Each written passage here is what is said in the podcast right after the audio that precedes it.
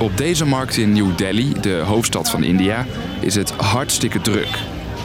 Net als in veel andere delen van het land. India heeft sinds kort de grootste bevolking ter wereld. 1 op de zes mensen ter wereld is Indiër. Een mijlpaal waar vooral de overheid op dit moment niet kan beloven dat het positief gaat bijdragen aan de toekomst van India. Want als je met zoveel bent, heeft dat meer nadelen dan voordelen.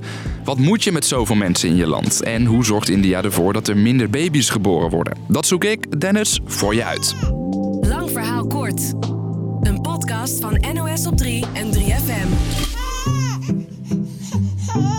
मन अच्छा लग रहा है कि Deze kersverse Indiase moeder is blij, zegt ze. Zij kreeg een kind op de dag dat India de 1,4 miljard inwoners aantikte. Of haar baby dan die 1,4 miljard steeds? Geen idee. Want eerlijk is eerlijk, hoeveel inwoners het land precies heeft... Nou, dat weten we niet helemaal zeker. Het is een heel ruime schatting. Zegt correspondent Aletta André. De laatste volkstelling was in 2011 en in de administratie van het land zitten wat gaten. Geboortes worden niet centraal eh, even goed bijgehouden. Sterfgevallen worden lang niet altijd geregistreerd. Een nieuwe volkstelling ging niet door dankzij de coronacrisis. Dus doen we het met de schatting van de Verenigde Naties dat het inwonertal ongeveer nu de grootste ter wereld is. Een bevolking groeit door migratie of door nieuwe geboortes. In India komen er elke dag ruim 67.000 baby's bij, volgens UNICEF. Dat is iedere anderhalve seconde een nieuwe Indiër, zoals deze.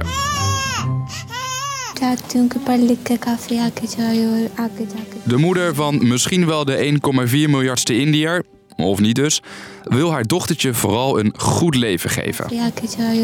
Kan dat in een land met zoveel inwoners? Het is eh, natuurlijk een, eh, aan de ene kant een, een, kans, een grote bevolking. Als al die mensen aan het werk gaan, gaan bijdragen aan de economie, dan kan dat het land vooruit helpen. Kijk maar naar China. De economie groeide, net als de bevolking, als kool. Onder meer omdat veel Chinezen in bijvoorbeeld de industrie gingen werken. In veel delen van India zit zo'n carrière er helemaal niet in omdat ze daar wel iets anders aan hun hoofd hebben. Deze man vertelt dat hij nauwelijks te eten heeft en dat er geen goede gezondheidszorg is waar hij woont. Veel Indiërs zijn dus vooral bezig met overleven. En een aanzienlijk deel van hen is ondervoed. Eh, bijna de helft is vrouw. In India is de arbeidsparticipatie eh, van vrouwen ook heel laag. Jonge Indiërs die willen werken of studeren kunnen nu maar moeilijk een plek vinden. En voor de 1 miljoen volwassenen die er maandelijks nog bij komen, is dat alleen maar lastiger. Dus ehm, er is best wel een gevoel van uitzichtloosheid onder veel jongeren die die kansen niet kunnen grijpen. En dan hebben we het nog niet eens gehad over nou ja, het klimaat en fossiele brandstoffen, de behoefte aan energie die maar blijft toenemen in India. Zoveel mensen biedt dus vooral veel uitdagingen. En dat realiseert de Indiase overheid zich ook. Daarom is er al tientallen jaren een speciale afdeling op het ministerie van Volksgezondheid die zich bezighoudt met geboortebeperking.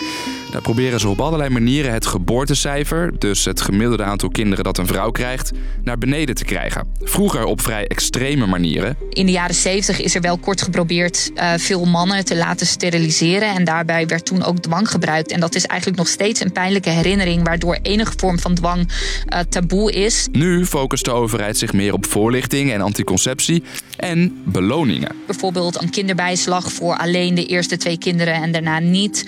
Of beloningen voor meisjes. Want in India bestaat ook die voorkeur voor jongens. Waardoor je nog steeds wel ziet dat ouders zes kinderen krijgen. Puur omdat de eerste vijf een meisje waren. En alles bij elkaar helpt het. Sinds vorig jaar is het geboortecijfer voor het eerst onder de 2,1.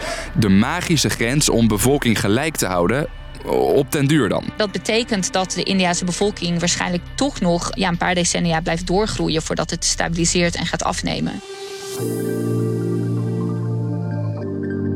Dus, lang verhaal kort. In de tijd dat jij deze podcast hebt geluisterd, zijn er zo'n 200 Indiase baby's geboren. Dat is een hoop. En volgens schattingen heeft het land de meeste inwoners ter wereld. Dat kan de economie een enorme boost geven, maar dan moeten al die mensen wel eten en bijvoorbeeld gezondheidszorg hebben.